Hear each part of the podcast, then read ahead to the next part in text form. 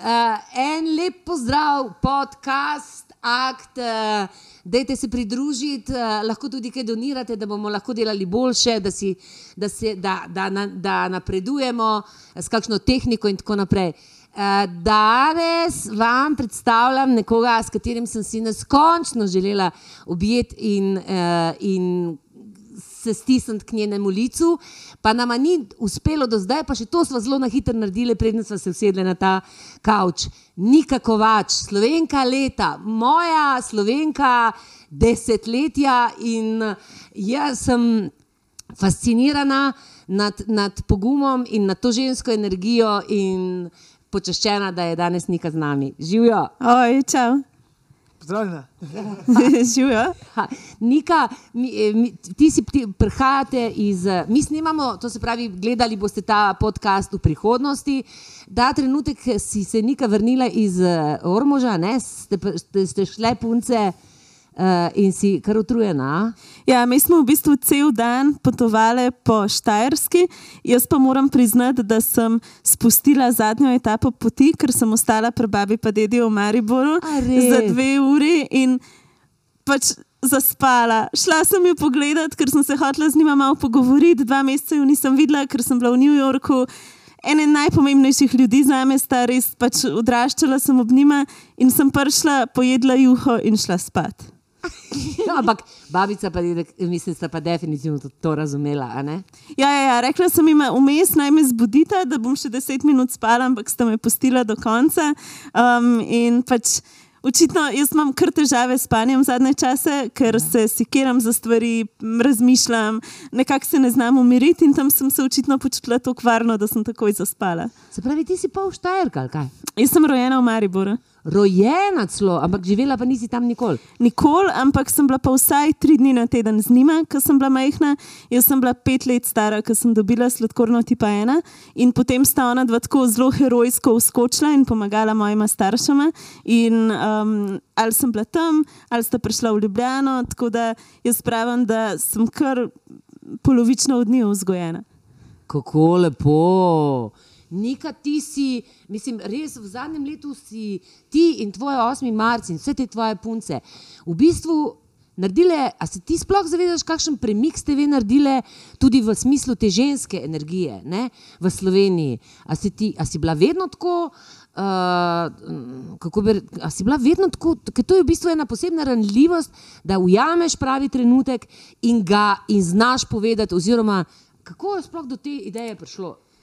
Uh, jaz še v prvem letniku faksa, če bi mi kdo rekel, da bom delala v ženskem kolektivu in da bom sama sebi rekla feministka, bi rekla, da je nor, ker sem se vedno družila s fanti in nikoli nisem imela občutka, da pač jaz česa ne morem zaradi svojega spola. Pa sem pa nekako na faksu se mi je zgodilo dvoje. Prva stvar, ki se mi je zgodila, je bila ta, da sem začela brati o neenakosti in da sem ugotovila, da če gledamo neenakost spolov skozi oči tega, da je pač del, velik del prebivalstva pač reven, da ima peščica ljudi vse, drugi pa za njimi pač lazmo in da je v bistvu ta neenakost, del tega je tudi neenakost med spoli. Takrat sem začela razumeti, da hej, Jaz sem se lahko družila s fanti, ker sem odraščala v družini srednjega razreda, ker sem vedno imela dostop do knjig, ker sem razumela, kaj se v svetu dogaja in nikoli nisem imela neke vzgoje, ki bi bila tradicionalna. Meni so kupovali avtomobilčke in bili razočarani, da se igram z barbikami. Tako pač imela sem neko to čist drug, um, drug model odraščanja, skozi sem brala Piko Nogavičko, Ronijo razbojniško hči. Tako da jaz nikoli nisem imela tega občutka, da um, nečesa ne morem, ker sem ženska. Ko sem pa ugotovila, da je to del mojega privilegija in da marsikatera ženska česa ne more, ker ima drug način vzgoje, ker um, so to pač vedno najrevnejša skupina prebivalstva, ker imajo najnižje pokojnine, ker so samo zaposlene ženske pač pod stopnjo revščine, sem pa ugotovila, da je to nekaj, za kar se je treba boriti. Druga stvar je bila pa ta, da sem jaz v faksu zelo hitro padla v nek krožek, bralni krožek, kjer so bili sami resni intelektualci, ki so zelo pritiskali na nas, kako se moramo obnašati, da moramo biti oblečeni v črno, govoriti o jazzu, mm, resnih mm, filmih. Mm. Jaz sem pa vedno imela rada resničnostne serije, pa tvoje oddaje sem rada gledala, pa rada pač berem vse, pa roza imam rada, pa bleščice. In takrat sem jaz eno obdobje se zelo trudila trudila biti taka, da bi tja spadala. In pol, ko sem se odločila, da naredim svojo organizacijo, sem si rekla, fakov, pač jaz hočem, da je to organizacija, ki se bori proti neenakosti, ampak hočem tudi, da smo roza, se zabavamo, imamo bleščice, da pokažemo, ko jokamo, da pokažemo, ko nas je strah, da govorimo tudi o tem, kako je biti človek. In tako je nastal inštitut. In nikoli ni bila ideja, da bi bile v večini ženske, nikoli. Um, to se je zelo spontano zgodilo. Mislim pa, da zato, ker smo v večini zelo operativne punce, ki se zmenimo stvari, imamo tudi fante, naše delo poteka hitro in um, z lahkoto. Fenomenalno. Ja, jaz sem, jaz sem, jaz sem, jaz sem, ne razmišljam. Ja. ja, ne, jaz razmišljam. To je ena najboljših knjig, A, eh, ljubših. ja. Najljubših najnih zemo, ne ima. Ja, ja. uh, tudi mali hodijo do te mironija. V glavnem, ne, jaz bom tle, v bistvu zdaj se mi zdi, da bom kar malo sedel, ali sit back and learn. Zdaj, ker te poslušam in vem, da imaš zelo, imaš dodelano, kaj razmišljaš, kako razmišljaš in tako. Uh, tako da sem jaz malo sedel nazaj, pa bom v imenu, Ti sam- pa bom v imenu moških poslušal in se naučil kaj. Ampak tudi Zaradi ti tega, ker, zaradi tega, ja, zaradi tega, ker jaz sem se imel vedno, ker sem odra, jaz sem imel ta privilegij, da sem odraščal z močnimi ženskami.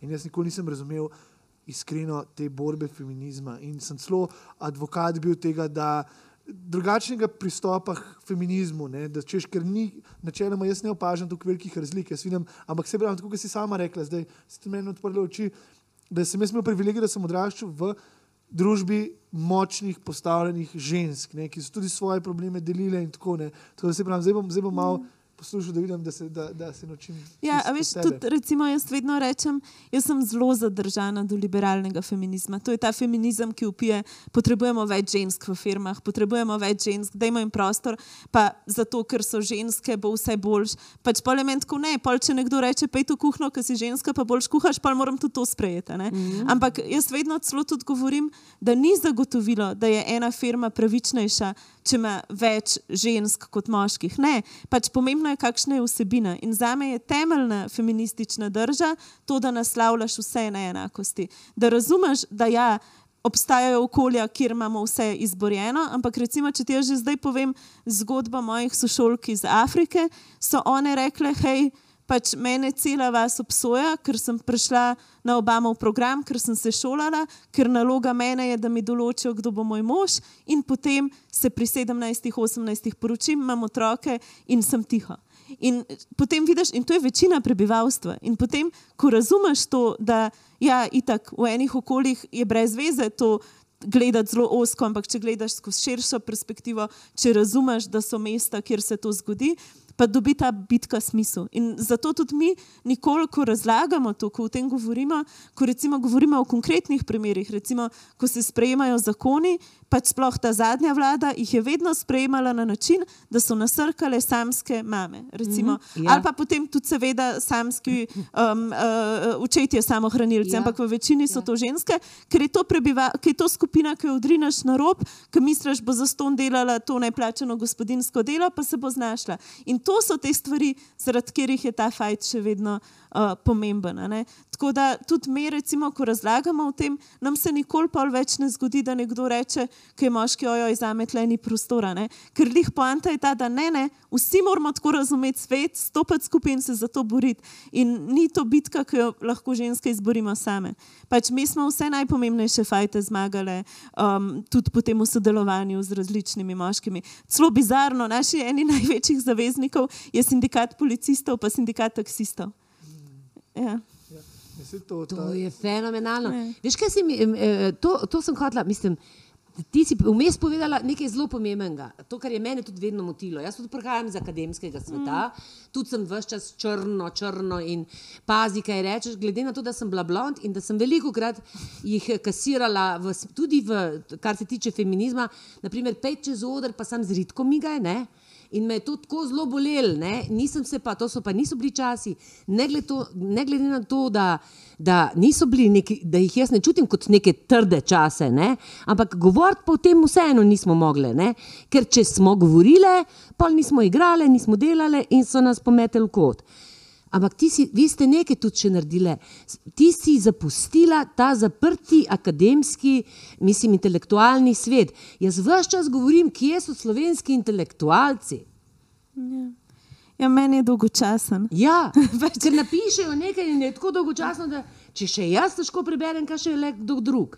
Mislim, tako, mi vedno, ko delamo, um, imamo močno teoretsko podlago. Mi od tega ne odstopamo in tudi vedno naštudiramo vsebino. Tudi recimo po referendumu za vodo, ki nobena od nas, dobra Lenka, verjetno, ki je tukaj pač je poznala, ampak mi smo družboslovke. Nam je bilo tako ojoj, še okolje, pa noč ne vemo, noč ne razumemo. Smo nabrali okoli sebe ekipo ljudi, ki nam je povedala stvari. Ampak drug korak za nas je pa vedno poenostavljati te stvari. Ker kar mi pač verjamemo, je to, da vsebina ni ok. Če jo ne razume, ne vem, moja kolegica iz Jurovskega dola, ki je 70-letna gospa. Pač, treba je povedati stvari preprosto, pa predvsem se meni tudi zdi, da je pogosto ta intelektualizem skrivanje lastne nesigurnosti. Jaz ne rabim nikomor dokazovati, da sem pametna. Pač, jaz sem ja. cinična do sebe in sebe se norčujem in um, ne rabim tega pač skrivati za velikimi besedami. Tako kot je na drugi strani, da, da ne bova zdaj samo enostranske, kjer, kjer je pa ta populizem ne, tako manipulativen, da jaz, naprimer, kakšnemu človeku sploh ne morem gledati v oči, ker je tako na prvo žogo. Mm. Točno to. Ja. In zato je pač za mene recept jasno in naštudirana vsebina, ampak nobene pretencioznosti, nobene arogance in samo pač straightforward sporočila in vključevanje vseh. Mislim, da ste tudi verjetno zdaj postale na nek način junakinje tudi deklic, ki zdaj rastejo. Ne? Verjetno. In jaz, eh, mislim, ne, stoprocentno. In uh, uh, imate tudi kakšne stike s šolami, z osnovnimi šolami, srednjimi šolami? Ja, pod to vlado, ki smo jo zdaj imeli, so se nas malo bal vabiti. Um, sploh um, meni so kar neki predavanj skenslali, moram povedati, v zadnjih dveh letih, zaradi tega, ker uh, se bojijo, kakšna bo reakcija. Imela sem pa srečo, da um, je bila ena od mojih knjig Pogumne punce in tudi letos so bila pisma tebi zbrana za amnestijo knjigo um, človekovih pravic in sem z, s pogumnimi puncami hodila po šolah in se pogovarjala. Meni se zdi res to pomembno, da se tam začne in da se tam razbija, ker recimo jaz sem delala v vrtu kot študentka in tam smo imeli polovico učilnice za punčke, polovico pa za fante. In fantki so lahko brali knjige, punčke so pa delale frizure. In se mi zdi, da to okolje je treba razbijati. Ja. Kje se začne, kako, kako učite, kako recimo pristopiš k mladim in rečeš, zdaj te bom pa naučil nekaj, o čemer ti sploh ne veš, kaj ta pojem pomeni. Ja.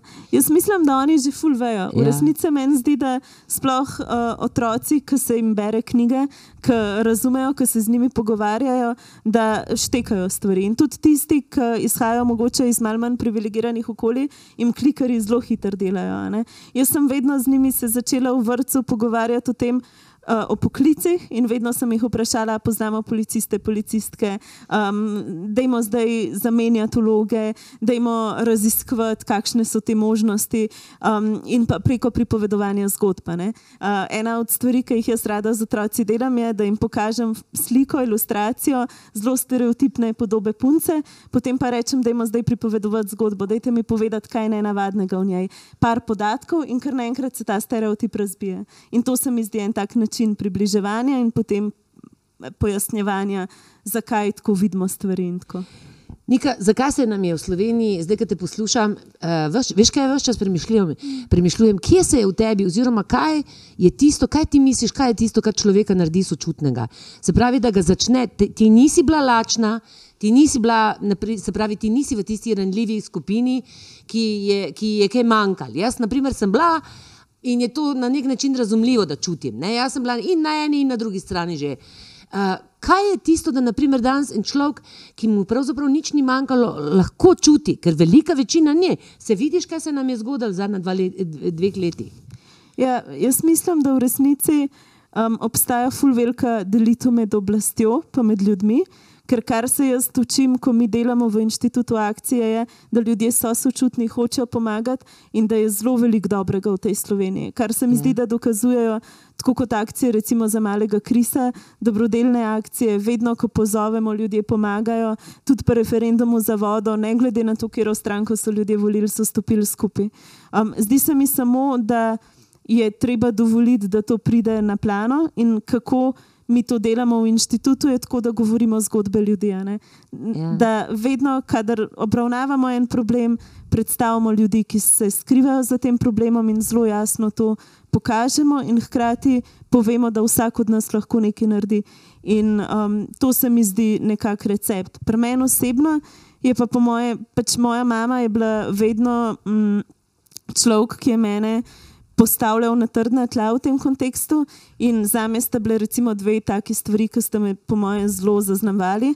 Prva je bila ta, da ni dovolila, ko smo bili v osnovni šoli, smo imeli dva razreda in nekako je nenapisana praksa, da otroke, ki se pišejo na ič, dajo v en razred, otroke, ki imajo pa intelektualne starše, pa v drugi. In ona je to vedela, zato ker je šolnica in se s tem ukvarja. In ko so mene dal v razred na ič in eno sošolko, so njeni starši naj obe hoteli prepisati v ta bolj eliten razred in je moja mama iznorela. In jaz ni, nisem videla še toliko jezne, pa sem jo videla pogosto jezno, pač kot kar takrat. In je rekla, ne, ti boš v tem razredu in ti boš prijateljica z njimi. In njih boš vabila na rojstne dneve. In s tem me je vedno znova upominjala. In se mi zdi, da mi je na nek način tuj aparatelj mi privzgojiti to, da um, vedno vključujemo vse in da se mi zdi pomembno, da tisti, ki mogoče sedijo sami, da pridajo zraven.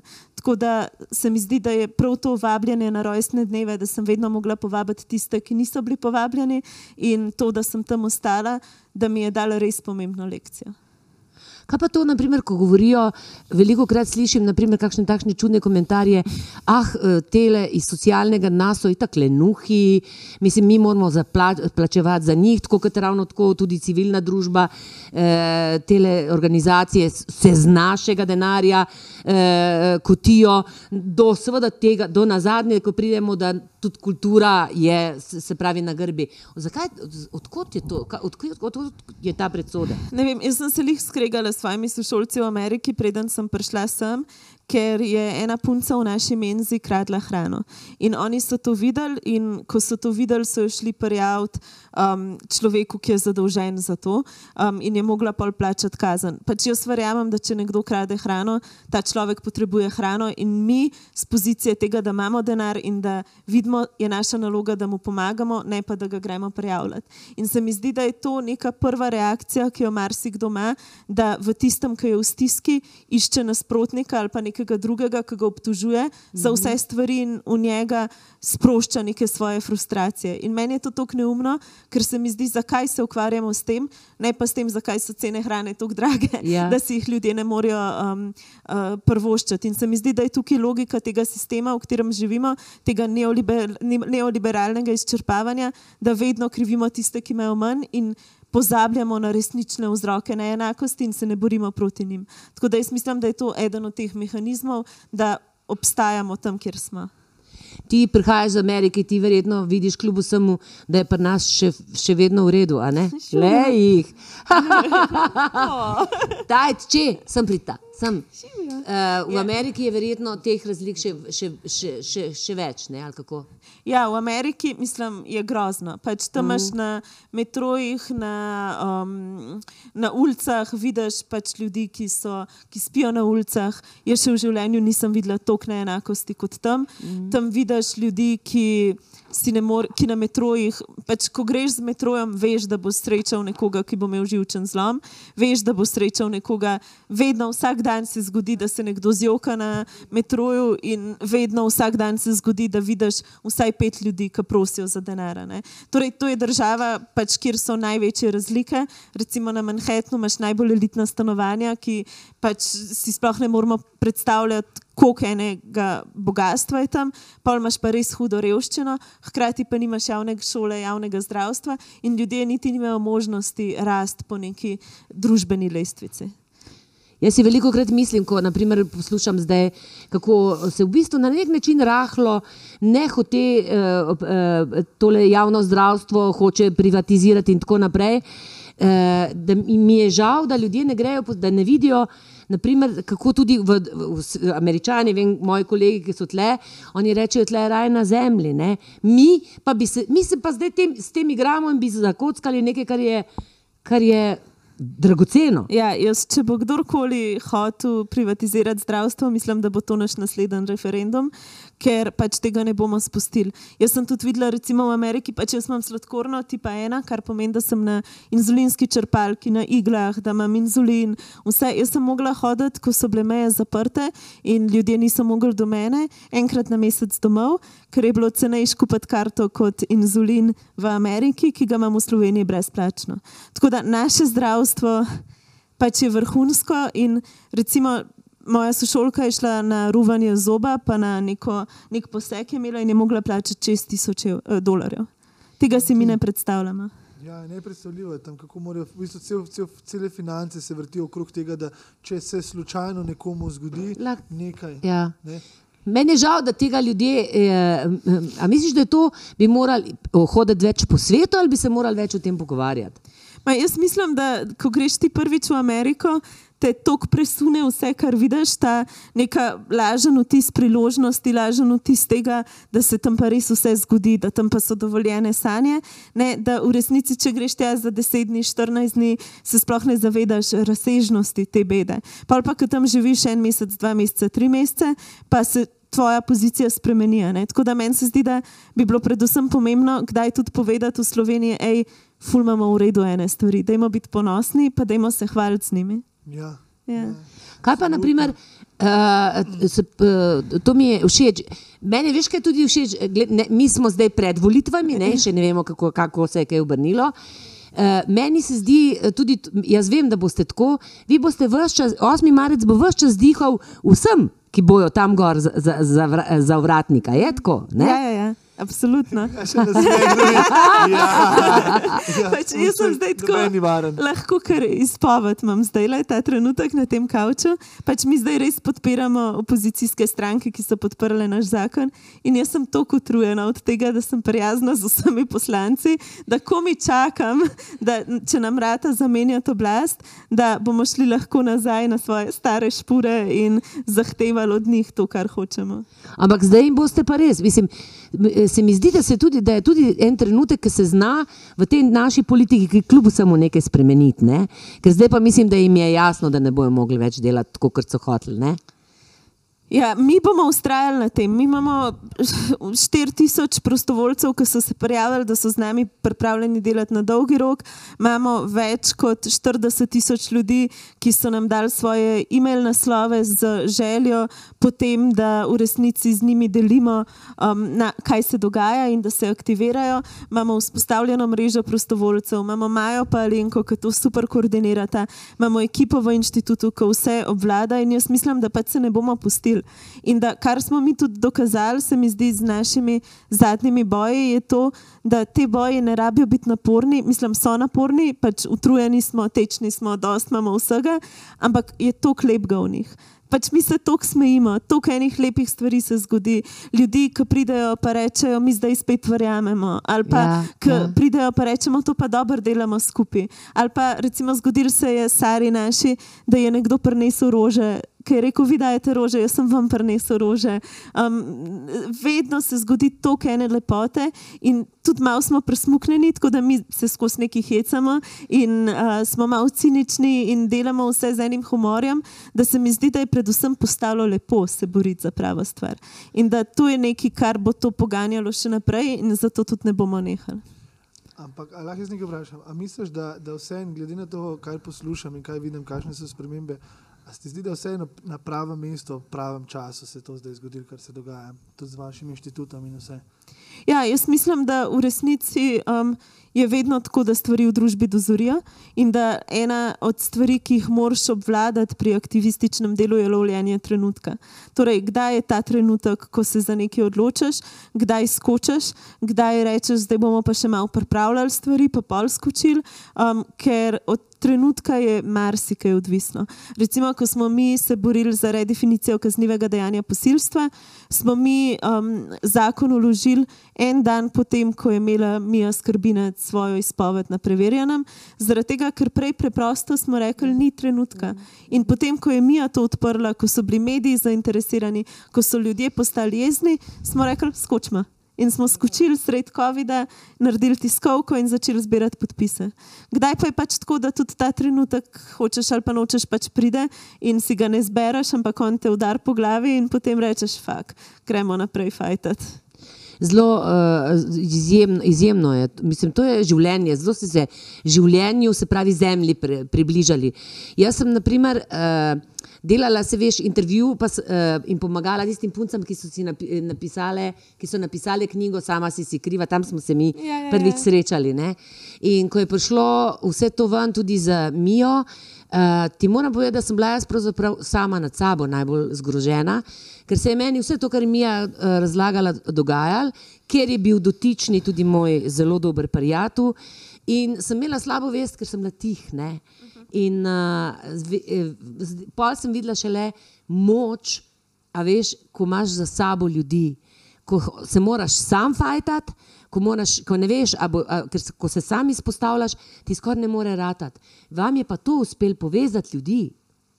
Ja, mislim, meni se zdi, da ta mok, pa ta, to, da smo bili toliko časa tiho ob spolnem nadlegovanju in nasilju, kaže samo to, kako je to ukoreninjeno v družbo in koliko v resnici rabimo še več nekih pogovorov o tem, in koliko v resnici še vedno potrebujemo tudi neko feministično um, udejstvovanje, ker ko govorimo o spolnem nadlegovanju in nasilju, spet govorimo o razmerih moči. Spet ja. govorimo, da tisti, ki imajo moč, delajo vse, in spet govorimo tudi o tem, da se to lahko zgodi tudi moškemu, ampak se zgodi ali pa trans osebi, ampak zgodi se večinoma ženskam, ker so pač razmerja moči tako razdeljena.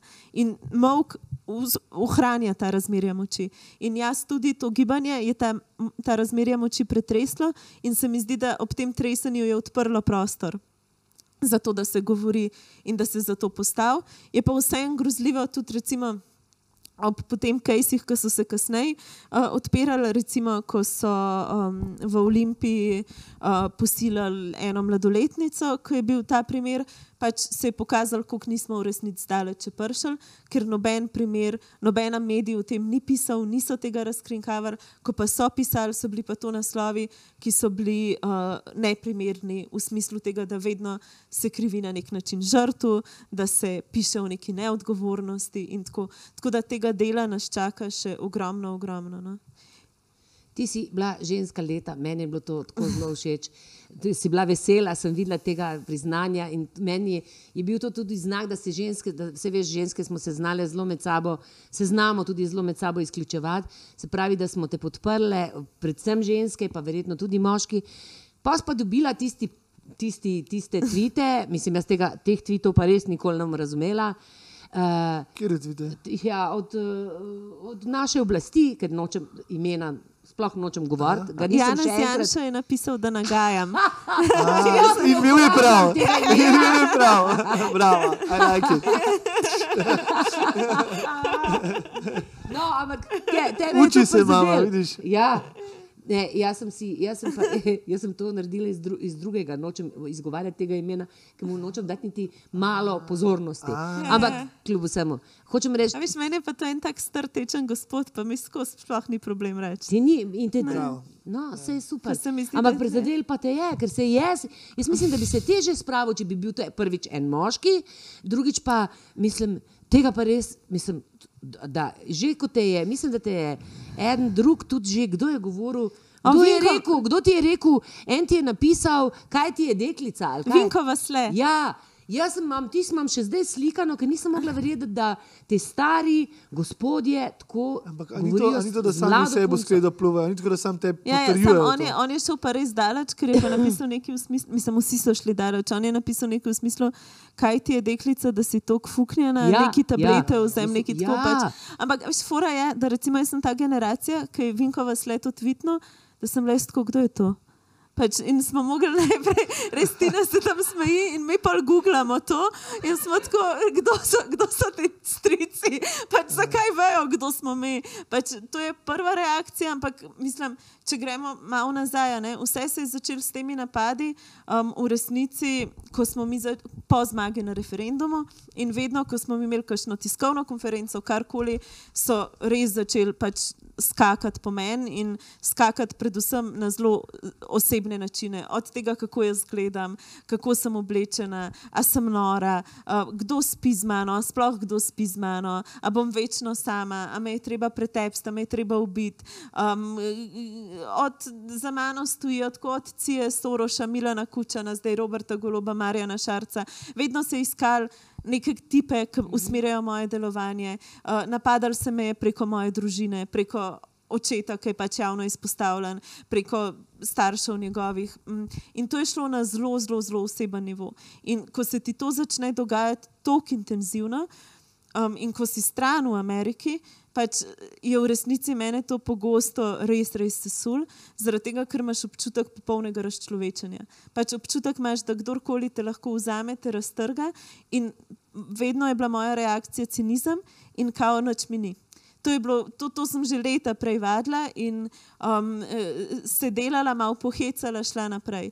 Ta Amerika mi je pa dala toliko ene anonimnosti, toliko enega časa, da sem jaz spet nika postala, da sem našla neke ljudi, ki jih briga, kaj jaz v Sloveniji mm. delam, da sem brala, hodila sama na sprehode, da sem začela razmišljati, zakaj sem tako robotska in sem začela o teh napadih iskreno govoriti. In sem tudi objavila enkrat sozo, kako mm. jokam, mm. ko so začeli klicati moje bivše sodelavce sodelavke in napisala, da hej, to, kar vi počnete, je pač nasilje, to je bullying, to je poseganje v zasebnost, ker me hočete utišati. In ko sem tisto objavila in ko so ljudje množično podprli, se mi zdi, da so postali alergični na me. In ko smo objavili to gibanje, gremo voliti, se je pa to začelo še stopnjevati. In oni, po mojem, so mislili, da se bomo mi umaknili. Mhm. Pač zaradi tega, ker najprej pač so šli name osebno, pa nismo nehali. Pol so pisali, kako izgleda naša skupina, naš kolektiv, pa nismo nehali, zaradi tega, ker smo vedeli, da okay, je to mehanizem utišanja. Pol, ko smo dobili to nagrado Slovenka leta, kjer se ti jaz moram zahvaliti, ne vem, pač meni so punce rekle, a veš, da je ona edina pretekla tep in upila in te ubila. In jaz sem imela res občutek, da si ti tam z mano in da me podpiraš in mi to ful pomeni. Um, no, ko sem dobila to priznanje, je potem Janša takoj tvital in je bilo tako, zakaj se z mano ukvarjaš, tako, kako te to zanima. Ampak takrat je bil pa naš odziv že drugačen. Jaz sem Alenki napisala, um, hej, da imamo majice narediti mm -hmm. v desetih minutah ali pa kako prej. Jaz sem že jaz ja. nisem tako vešča teh eh, internetnih ja, ja. naročanj, drugač bi jaz to majico imela ta trenutek, da je gor oblečena. In smo dali na majico, nagajajmo dalje. In te majice so se razprodale, tako kot smo jih prodali več kot 200 majic v dveh dnevih, ljudje so podpirali, um, in potem so šli še dalje. In potem so šli v to, da so nad nas poslali državne institucije, da so nas napadali, in v enem trenutku sem bila jaz tako, zdaj bomo pa sam še tužili.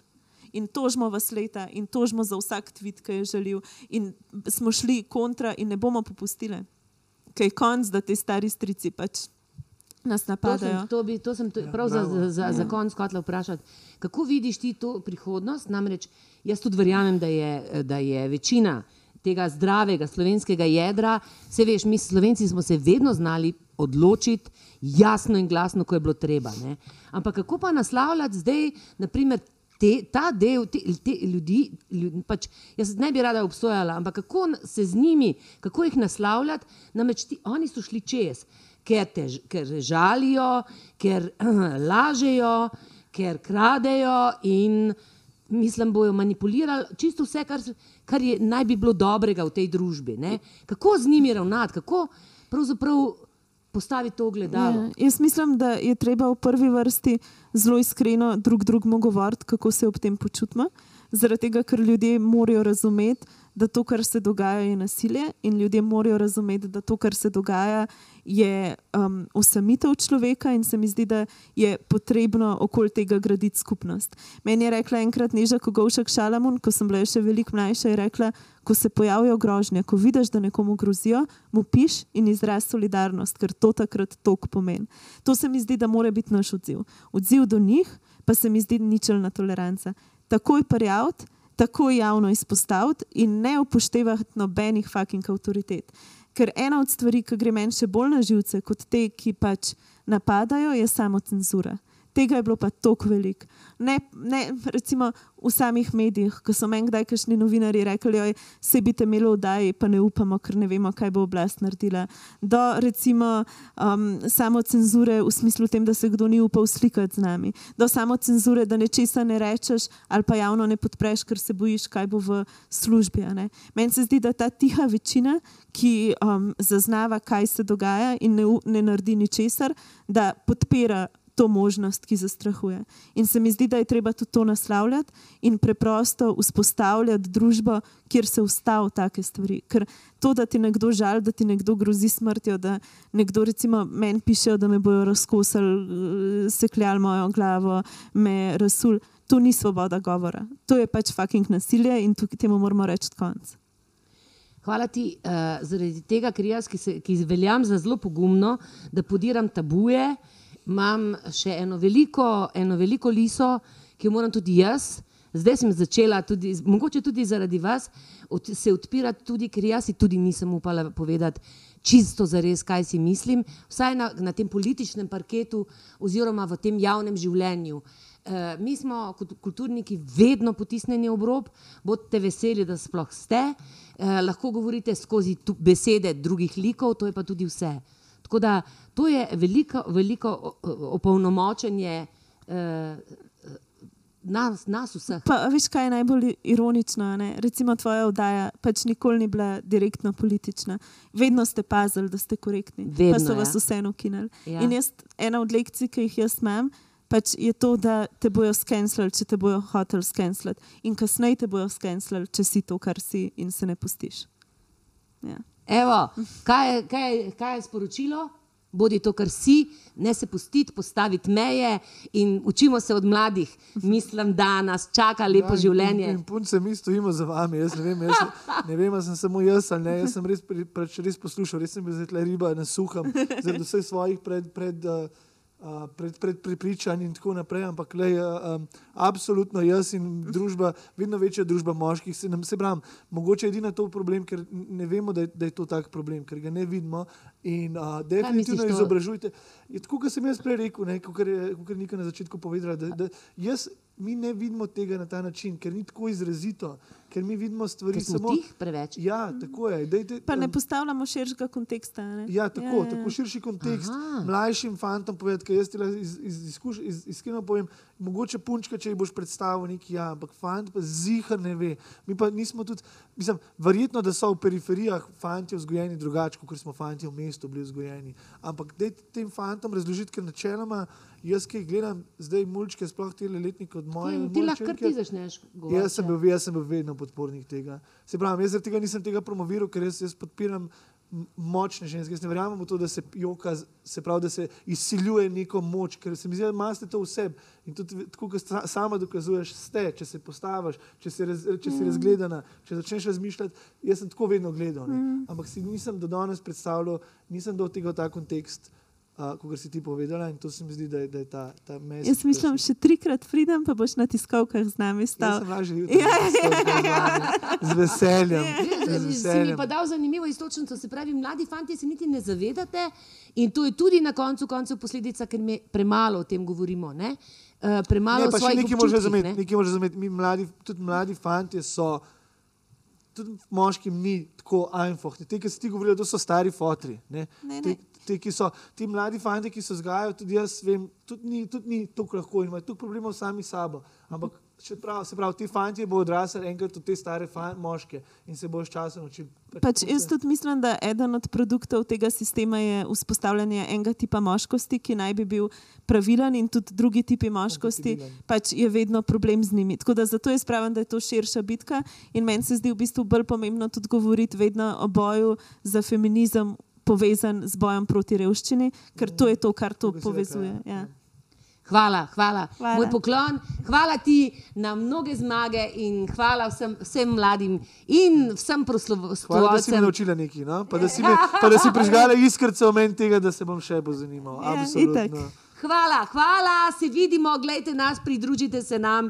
In, like, share, subscribe. Yeah. Ja. In uh, uh, zapomnite si. 8. marec, pejte, volite, volite, volite ste že.